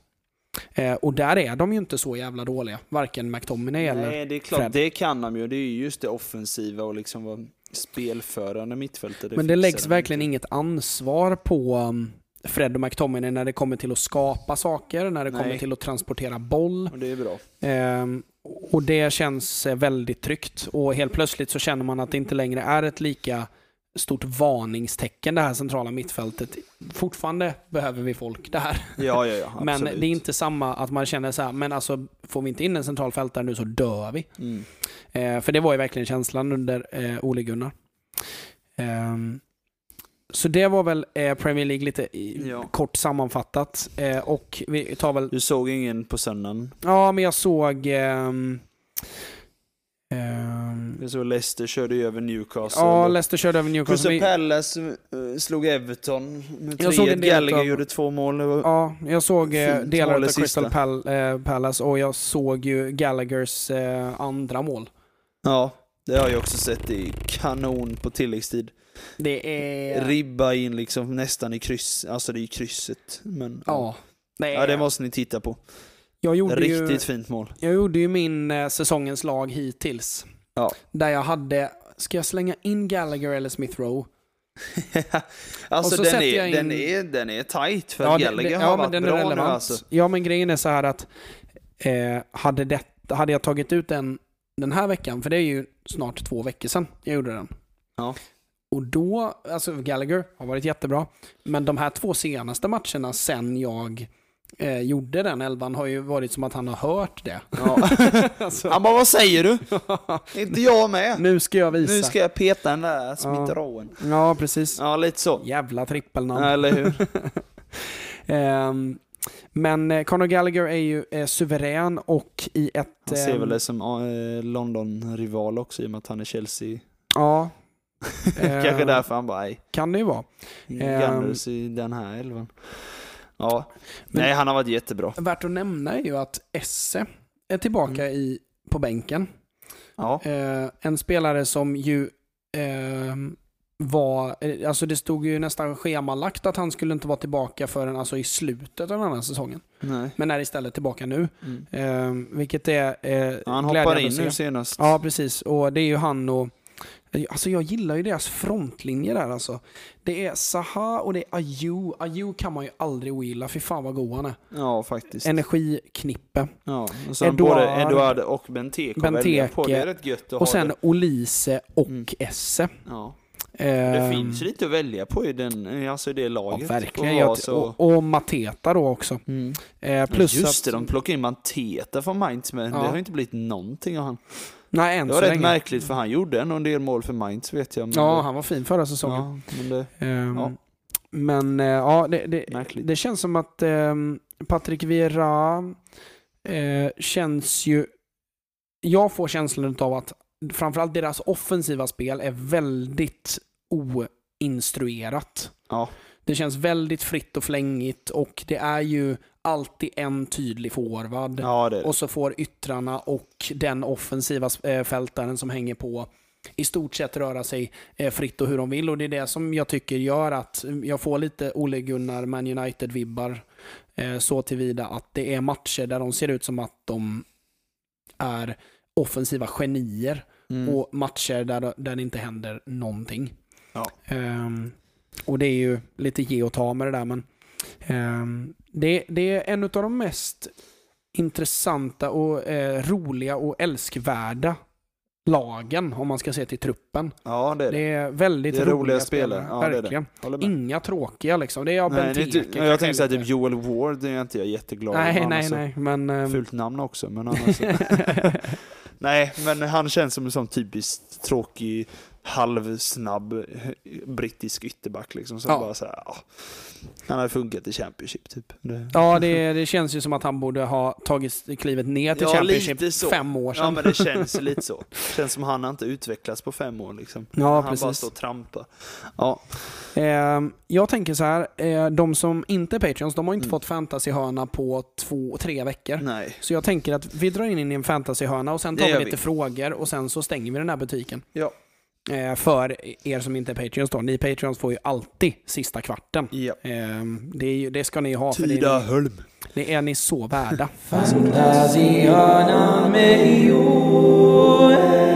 Sådär, Maestro. Eh, Yes. kör igång. Innan, eller innan vi liksom går in på det. Vi hann ju snacka en hel del fantasy innan vi eh, drog igång. Ja, det gjorde vi. Ehm, och jag, hade, jag ska sä- säga att jag hade en liten dipp där när jag verkligen tappade intresset lite för att det gick, alltså allting jag gjorde var så här, gick, alltså allt gick dåligt liksom. Ja, jag är med vad du menar. Jag Och också en sån Det, och eh, jag tycker att fantasy är ju som roligast när Kieran Duffy plockar åtta poäng. Ja men det är ju så när de Det är här... ju sån, det, är det som är det Det roligaste. roligaste, ja som du säger, när, när, man, när man själv har en, liksom, en så kallad differential som levererar. just Mm, precis. den omgången är kul, just det bara åh, den här omgången hade jag just honom och han har typ ingen annan. Precis. Och jag har haft ett par sådana, Rico Henry bland annat och Duffy innan då. Ja, eh, som nu är dels eh, avstängd och eh, har eh, vacklat lite och, in, och varit ut och in ur startelvan också. ja det har han varit. Eh,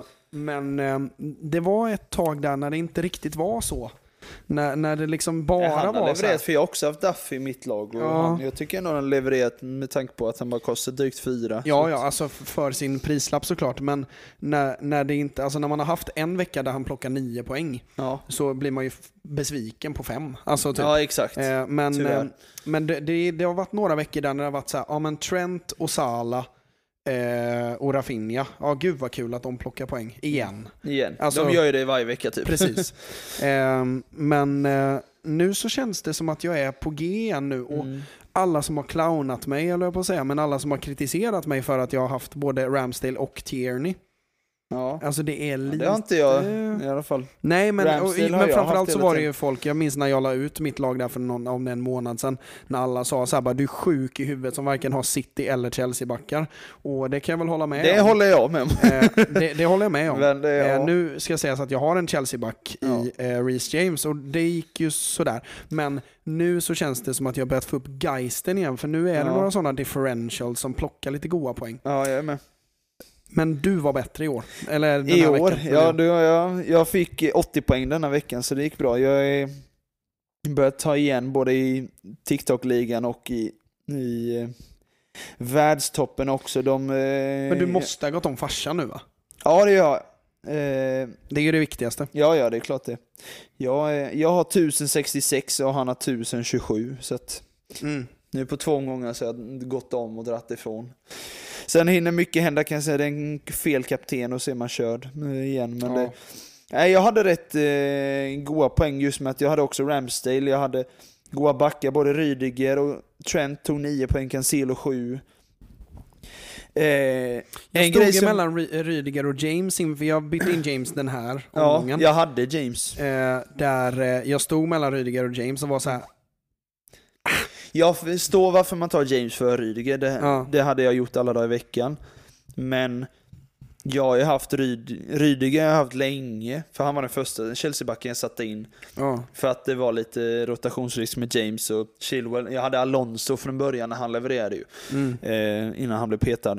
Men nu har jag haft James ett par omgångar, han har gjort 0 poäng tre omgångar i rad nu, så att jag, nu skeppade jag faktiskt honom. Men Mm. i alla fall, inför den omgången som var precis nu, i helgen, så är jag ändå glad för jag gjorde två fria byten och båda Mm. jag satte in gjorde mål, så det gav ju utdelning direkt. Jag tog ut Rafinha med tanke på det spelschema. Nu gjorde han ju ändå mål på straff, så det gick väl på ett ut. Mm. Eh, och jag tog ut eh, eh, Ivan Tony i och med att han har covid. Och satte in Mason Mount och Emmanuel Dennis och båda gjorde mål. Så det var Mm. riktigt gött. Så jag hade tre man mittfält med Salah, Mount och Bernardo Skapligt. Silva. Det var skapligt. Och så hade jag Dennis då, så hade jag Colin Wilson som tyvärr fick storstryk. Men det, det räknade jag inte med att han skulle göra allt för mycket mot Leicester faktiskt. Eh, Så 80 poäng, så jag ligger just nu t- 44 i vår TikTok-liga och 31 000 overall i världen. Så det är, det är rätt gött att ligga. Som sagt, målet är ju att ligga topp 100 000. Mm. Så att... Eh, nej men det, det, jag har bra flow nu. Jag känner jag har många bra spelare som gör poäng regelbundet. Eh, det. det bli, jag tycker det, generellt i fantasy börjar bli fler spelare som levererar mer regelbundet. Det finns fler spelare att få poäng ifrån. Ja, det Och känns som att det börjar sätta sig nu levererar. vilka som är eh, Ja, Det är liksom, Salah liksom. måste du nästan ha kapten varje vecka i och med att han levererar varje vecka. Trent är en som levererar också nästan varje vecka. Cancelo. Någon Chelsea-back. Nu har de svajat lite, men nu håller de inte lika många nollor. Så att jag börjar bli lite tveksam på Mm. i alla fall att ha två Chelsea-backar har inte jag längre nu. Eh, för att de måste visa att de håller. Ramsdale är en stabil målvakt för mig. Bernardo Silva är ju, han och Salah är ju bäst i ligan. Eh, just nu tycker jag. Och så Jota levererar ganska ofta. Mount hoppas jag på kan göra det nu. Han är en liten chansning. Han är ju ändå den som jag tror kommer göra mest av de offensiva Chelsea. Sen om de inte gör så mycket, det får vi se. Men Jag får ju känslan av att Mount är en spelare som kliver fram när ingen annan gör det. ja, Och Det var att det han, jag tänkte lite typ mot West Ham när han gjorde... Precis. Jag tyckte han var väldigt bra, men ja, det jag var tyckte, han. Han det var varit, ingen annan eh, offensivt som var bra den matchen i Chelsea. Nej, och jag, jag tycker att eh, när Mount spelar och till exempel Havertz är på full fart och när eh, det är full rulle på andra offensiva spelare, när en ytterback kliver fram och gör ett mål, Alonso petar den på bortre stolpe på ett eh, inspel från Reece James så är Mount nowhere to be seen. Ja. Men när det är en sån match där det står och stagnerar lite och det tragglas fram och tillbaka, det är lite jobbigt, då kommer Mount med någon sån jävla screamer. Ja. Eh, Det är känslan jag får av Mount. Det är ju ingen st- statistiskt baserad utan det är bara en känsla jag får. Liksom. Ja, jag är med. Nej, så jag är väldigt nöjd med mitt lag i alla fall. Eh, också börjat liksom fått gröna pilar de senaste omgångarna. Eh, och kollar man lite, det var lite blandat. Det var en del populära spelare, typ Gallagher har 26%, han gjorde 15 poäng, han gjorde ju två mål. Mm. Eh, Ramsdale har 16%, många har han som målvakt. Vi har Trent på 40, nästan 42% som fick 9 poäng. Dennis som jag satte in då, som många andra tydligen. Han var den typ näst mest insatta av hela spelet inför denna omgången. Asså? Eh, Vad beror det på då? Nej men tanken, eh, grejen är ju så här, han och King har gjort en hel del och bortser vi från denna då, så innan det mötte de ju City hemma. Då gjorde han ju ändå mål mot Chelsea borta, han, eh, då fick han 9 poäng. Omgången innan fick de stryk mot Leicester med 4-2 och då gjorde han 10 poäng.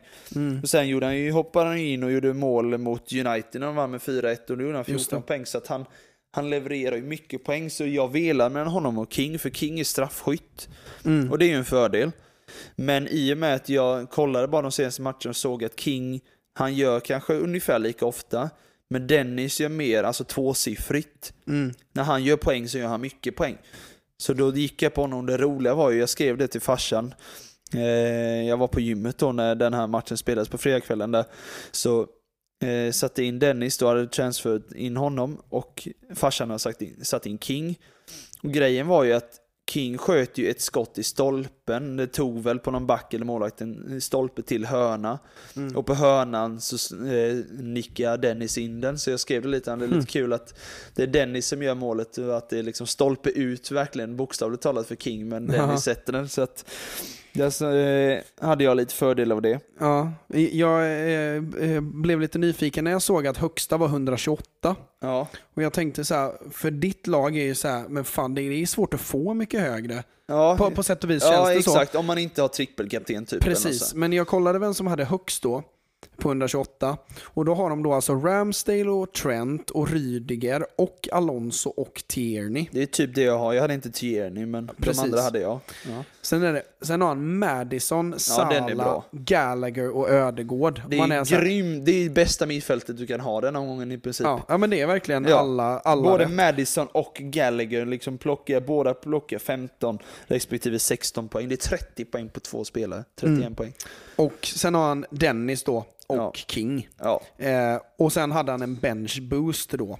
Och då var det Mendy på två poäng och sen Cancelo, eh, Bernardo Silva och Jesus. ja. Och det som, alltså det som jag tycker är märkligt, med, eller egentligen inte märkligt, men det som är utpräglande för alla de här varenda vecka som är highest, Ja. det är att de har, det är nästan alltid en bench boost. Ja, det blir det nästan alltid. Det är Mm. svårt annars. Benchboost eller trippelkapten. Precis, eh, men så. nästan alltid så är det bench boost Ja. eh, tycker jag i alla fall. Det var Ja. i början där när det var lite triple Ja, på. Bruno och så. Men eh, han har alltså tre City-spelare på bänken. Men en sån med benchboost så spelar egentligen ingen roll vilken startelva du gör. Nej, det Men klart. det är ändå intressant att han har Jesus. Alltså just hans forwardsval är så här, Dennis köper jag. Mm. Men du ska ha Dennis eller King, för att de Ja. två gör ju inte så mycket och de tar ju varandra egentligen. Så Ja. att du ska inte ha båda.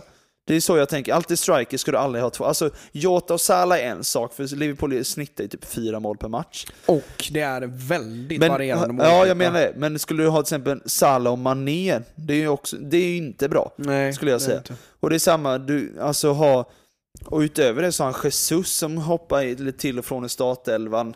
Visst, han gör lite poäng, men det är för de pengarna som han kostar. Det är, ju det är konstiga forwardsval. Annars så köper ju resten av laget. Han har ju spelare Mm. som verkligen är i form. Jag kan ju tänka mig att i en, en vanlig vecka så spelar han ju Jesus och eh, Dennis. Dennis. Typ. Ja, det hade han ju. Eh, Skulle jag väl tro. Ja, Men eh, ändå eh, eh, värt att nämna. ja. Eh, jag eh, plockade 62 poäng. ja men det är Eh, nog bra. Och ja, men det, det är bra. Och average var ganska lågt. Ja, det var det. Det var Eh. därför jag tänkte det, det är mycket.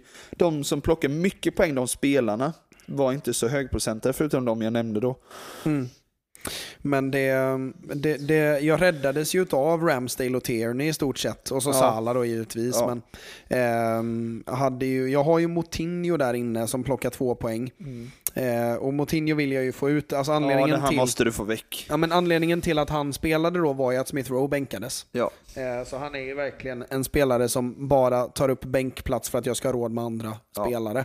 Köp det. Ehm, och det som Men det är går att hitta positivt... bättre bänkspelare. Ja, ja, men det- det går det, Annars men- ska du inte, du ska inte sätta in en sju milles där. Nej, det är liksom, klart. utan- Men det, det är värt att nämna är ju att eh, det som har varit positivt med honom det är ju att eh, det är alltid en utav Salah, Foden, Rafinha och Smith Rowe som inte spelar. Ja. Och då har Moutinho alltid kommit in och plockat två poäng. Det är Ja. alltid Ja, ja, det, är- det är ju liksom. goa sådana, men men, eh, men som sagt, jag, jag vill scouta en bättre här. För jag ja, har en... får plocka eh, lite extra liksom. mm. Mm. Men jag ska byta nu efter, eh, det är ju eh, omgång nu när ni lyssnar på detta. Ja, det är det. Efter den de spe- omgången Måndag, tisdag så ska jag försöka få in en Eller central tisdag, onsdag, förlåt. Ja. Och jag tänkte be dig om hjälp där. Va, vad ska man sikta på där? Jag har alltså... ehm, Hur många fria byten har du? Har du en eller två? Kan du kolla när du går in på eh, transfers? En. En free transfer? Ja. Och då är det alltså eh, Moutinho som ska ut. Ja. Eh, och jag ska in med en fältare. ja. Har du några pengar på banken? Sen är det också, tänker du att du vill spela till exempel, jag har ju de senaste veckorna kört med fembackslinje i och med att jag har haft två City, två Chelsea och Trent. Jag tänker spela 4-5-1. 4-5-1.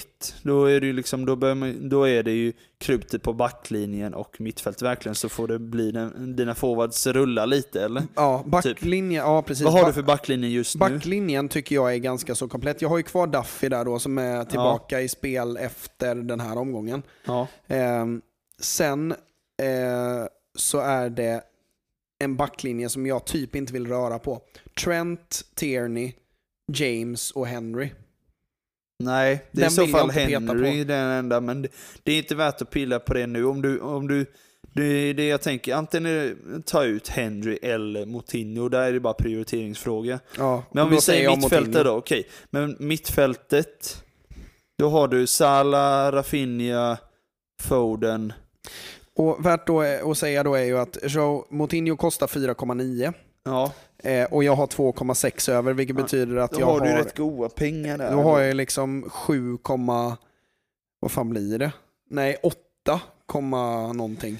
Ja, jag är med. Nej, 7, nej blir det 7,5. Ja, Ja, ja. okej. Men du har, som sagt, du har Salah, Foden, Rafinha. Vem hade du mer? Salah, Foden, eh, Rafinha och Smith Rowe. Smith Rowe var det med. Där har du ju fyra bra mittfältare som levererar nästan varje vecka, men ganska ofta. Mm. Om du ska få in en femte där, alltså det är klart den här Madison eh, har ju levererat eh, tvåsiffrigt tre av de fyra senaste. Sen har de lite tuffare schema nu, så att jag är lite tveksam på honom. Jag gick ju på Mason Mount. Eh, för att han också levererat. De har inte jätteroliga matcher. Då är det men- nog så att jag har 7,5 och Mount kostar 7,6. Ja, just Så de det. som är 7,5 och under det är Pogba, Gündogan, Mm. Ziyech, Greenwood, Pepe, Zaha, eh, Madison kanske. Ja, men då är det så. Madis- Madison eller Thielemans typ. Någon av dem kanske. Då kanske det lutar åt Madison då. Ja, det, det är ju en, alltså en bra... Finns ju också Sigurdsson för 6,8. ja, lätt alltså. Du, på tal om det. Eh, på tal Ta om... Dele Alli, men, snälla. på, ja, precis. Men på tal om brott. Eh, Du, Gallagher. ja. Den är bättre Ja. skulle jag säga nu när jag Bra. kom på det. Den tror jag är bättre för att ha lite pengar över till att få in en ännu bättre back också för få ja, ut snyggt. Den ska jag köra på. Jag hade nog tagit Gallagher med tanke på Mm. formen han är i. Och han har rätt tacksamt schema nu med Southampton, Watford, sen har de Spurs och sen Norwich. Det är Mm. gött de närmsta. För de har inte jätte... Alltså de har ganska många goa. De möter Norwich två gånger nu på inom... Ja, det är väl nästan två månader i och för sig, men Ja. det vänder Men ju eh, snart. jag att- måste ja. bara inflika här, det kom just eh, ganska så chockerande nyheter. Mhm. Nicolas Otamendi i eh, Benfica Ja, just det. Gamla Har- City-backen. precis har alltså rånats och misshandlats i sitt What? hus i Lissabon efter Benficas match igår. Eh, där fyra rånare kommer in och eh, binder eh, hela familjen. Nej, du skojar. Och misshandlar då Nikolas då framförallt och snor eh, klockor och pengar och hela skiten. Pajas alltså. Fy fasen alltså. Det är så respektlöst. Benfica, och de, ja men de mötte ju Famalicão. Alltså det är ju Mm. ingen, det är ju ingen konkurrent på det sättet. Alltså, här, jag tänkte om det var något fan i det andra laget liksom som bara, Nej, det var inget eh, typ. Lissabon-derby liksom. nej jag menar det. Mm. Fy fasen, Tur jag alltså. inte berättade det jag tänkte när du nämnde Otamendi först i och med att jag såg dokumentären och jag egentligen Ja, jag höll på att säga men negativa saker ja, om men honom för att i- han tyvärr orsakar en del. Ja, ja, men jag, viktiga jag, jag har förluster, jättesvårt för men- Otamendi för att det Men är... det där är ju helt sjukt att folk Ja. bara beter sig så. Ja men det, er. det, är, det är just, alltså det, dels har det blivit, jag ska inte säga att det Men blivit han är ju vanligare. småbarn men- vet jag. Ja, ja visst. Alltså fatta det trauma. Ja. Ja. Hjälp. För liksom, kan, ja, fatta, alltså jag fattar, om, om man är jättearg på Nicolas Otamendi, jag säger inte att det Mm. någonstans är rimligt att åka till hans hus. Nej det är klart inte. Ehm, precis som eh, ja, alla med hyfs tycker. Ja. Ehm, men eh, ska sägas att Alltså att ge sig in i någons hus med, med fru och barn. Alltså det är Ja, så menar det. jävla sjukt. Ja, mig blir det, alltså allt är ju fel i det här men det blir, jag tycker det blir mycket värre så fort de, alltså familjen blir inblandad, särskilt fru och liksom småbarn hemma. Mm. Alltså fatta deras trauma, hela den biten, för det blir ju mot dem också. Jag fattar, om de är arga på honom, alltså jag fattar att de kanske har en anledning att vara arga på dem på något sätt, men sen gör det inte rätt det de gör, men alltså det är ju mot honom. Mm. Alltså Ja. det, Sen Ja. finns det väl säkert, det kanske är så att de inte ens är arga på honom utan Nej. de bara vill åt pengarna. Ja, det, ja, ja. det är ju illa nog. Men, ja, och de vet Ehm, att han har men pengar såklart. värt att säga det, jag tittade på eh, Diego Maradona-dokumentären som fanns på SVT. Jag såg den sista dagen den fanns tillgänglig, så det är väl typ två veckor sedan. Så den finns tyvärr inte längre där. Kanske att den finns på Netflix eller något, men eh, där var det en sån jävla sjuk grej.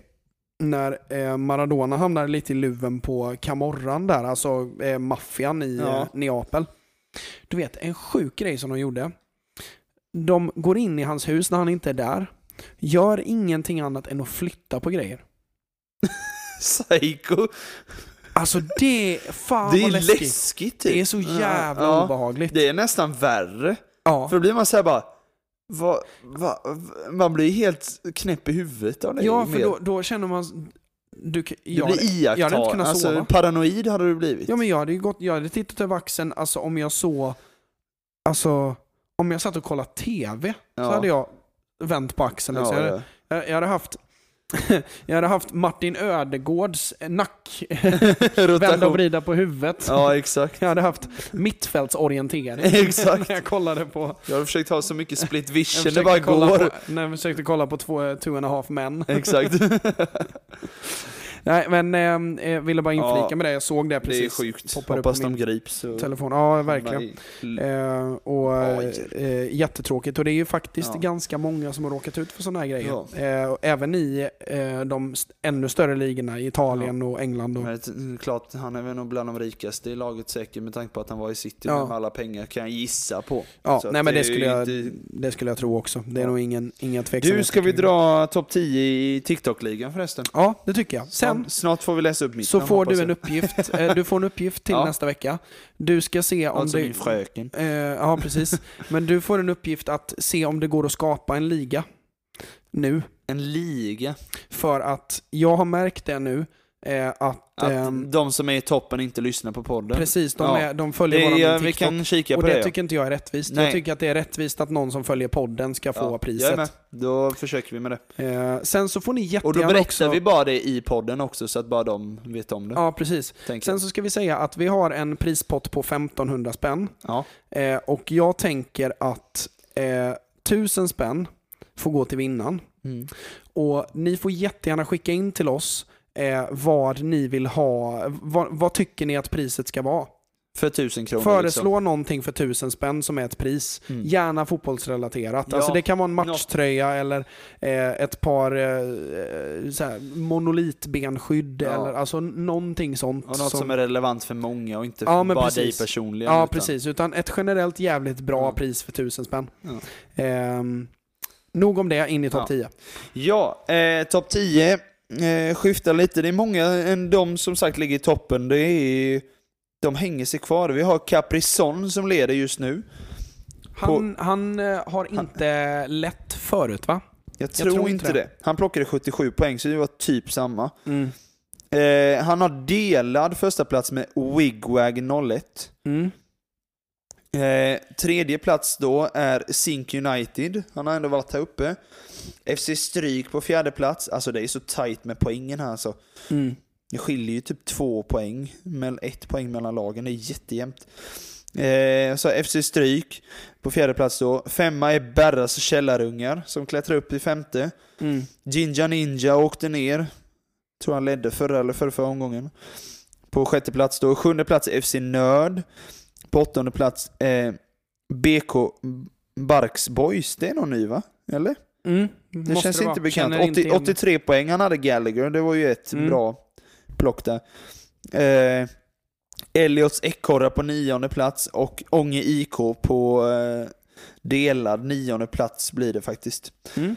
Men det är ju topp 10, det är ju de 10 bästa. Yes. Då avslutar vi med eh, veckans lag och jag tänker att eh, det blir väl bara relevant att jag gör det då eller? Ja. Ehm, så jag, vi, vi kör här då. Jag eh, håller ju David de Gea i målet. Ja, det Eh, var förstå. Han var bra. fruktansvärt bra. Alltså det är flera riktigt, riktigt bra räddningar eh, på Maguires. Eh, det, det ska sägas att Uniteds försvar var bra, men Maguire var sämst alltså. Shit vad dålig han var. Eh, har ju Surprise, en, surprise. Ja, men precis. Men han har en där det är ehm, han, eh, vad fan heter han, Placheta. Ja, han polacken. Ja, som eh, är på väg inåt ehm, mot Maguire i straffområdet. Och alltså det är på riktigt fem meter mellan honom och eh, Pacheta. Eh, eller Placheta, Platchet. eh, ska sägas. Platchet. Och han sätter sig ner i, alltså du vet innebandymur. Ja, sätter ner Alltså knät fem så. meter ifrån. Ja, Alltså så han går ju bara runt honom. Alltså, alltså det, ser så, det, det ser så dumt ja ut. som jag man, ser bilden framför mig. Ja. Jag ska försöka hitta det, för det, Mm. det är säkert med i highlightsen. För att det blev ganska farligt utav det. Mm. Ehm, men ehm, eh, han var ju helt värdelös. Skitsamma. Det sker i mål. Och sen så har jag eh, vår fina Ponne, Mm. Jansson. Gjorde mål. Gjorde mål och Fint var mål. bra. Ja, det eh, var han. Ska sägas. Och det syns, alltså när han gör målet med, alltså de håller ju på att kolla lite för målvakten har ju någon anledning, ja han fick ju ont, Mm. eh, Bachmann efter det där.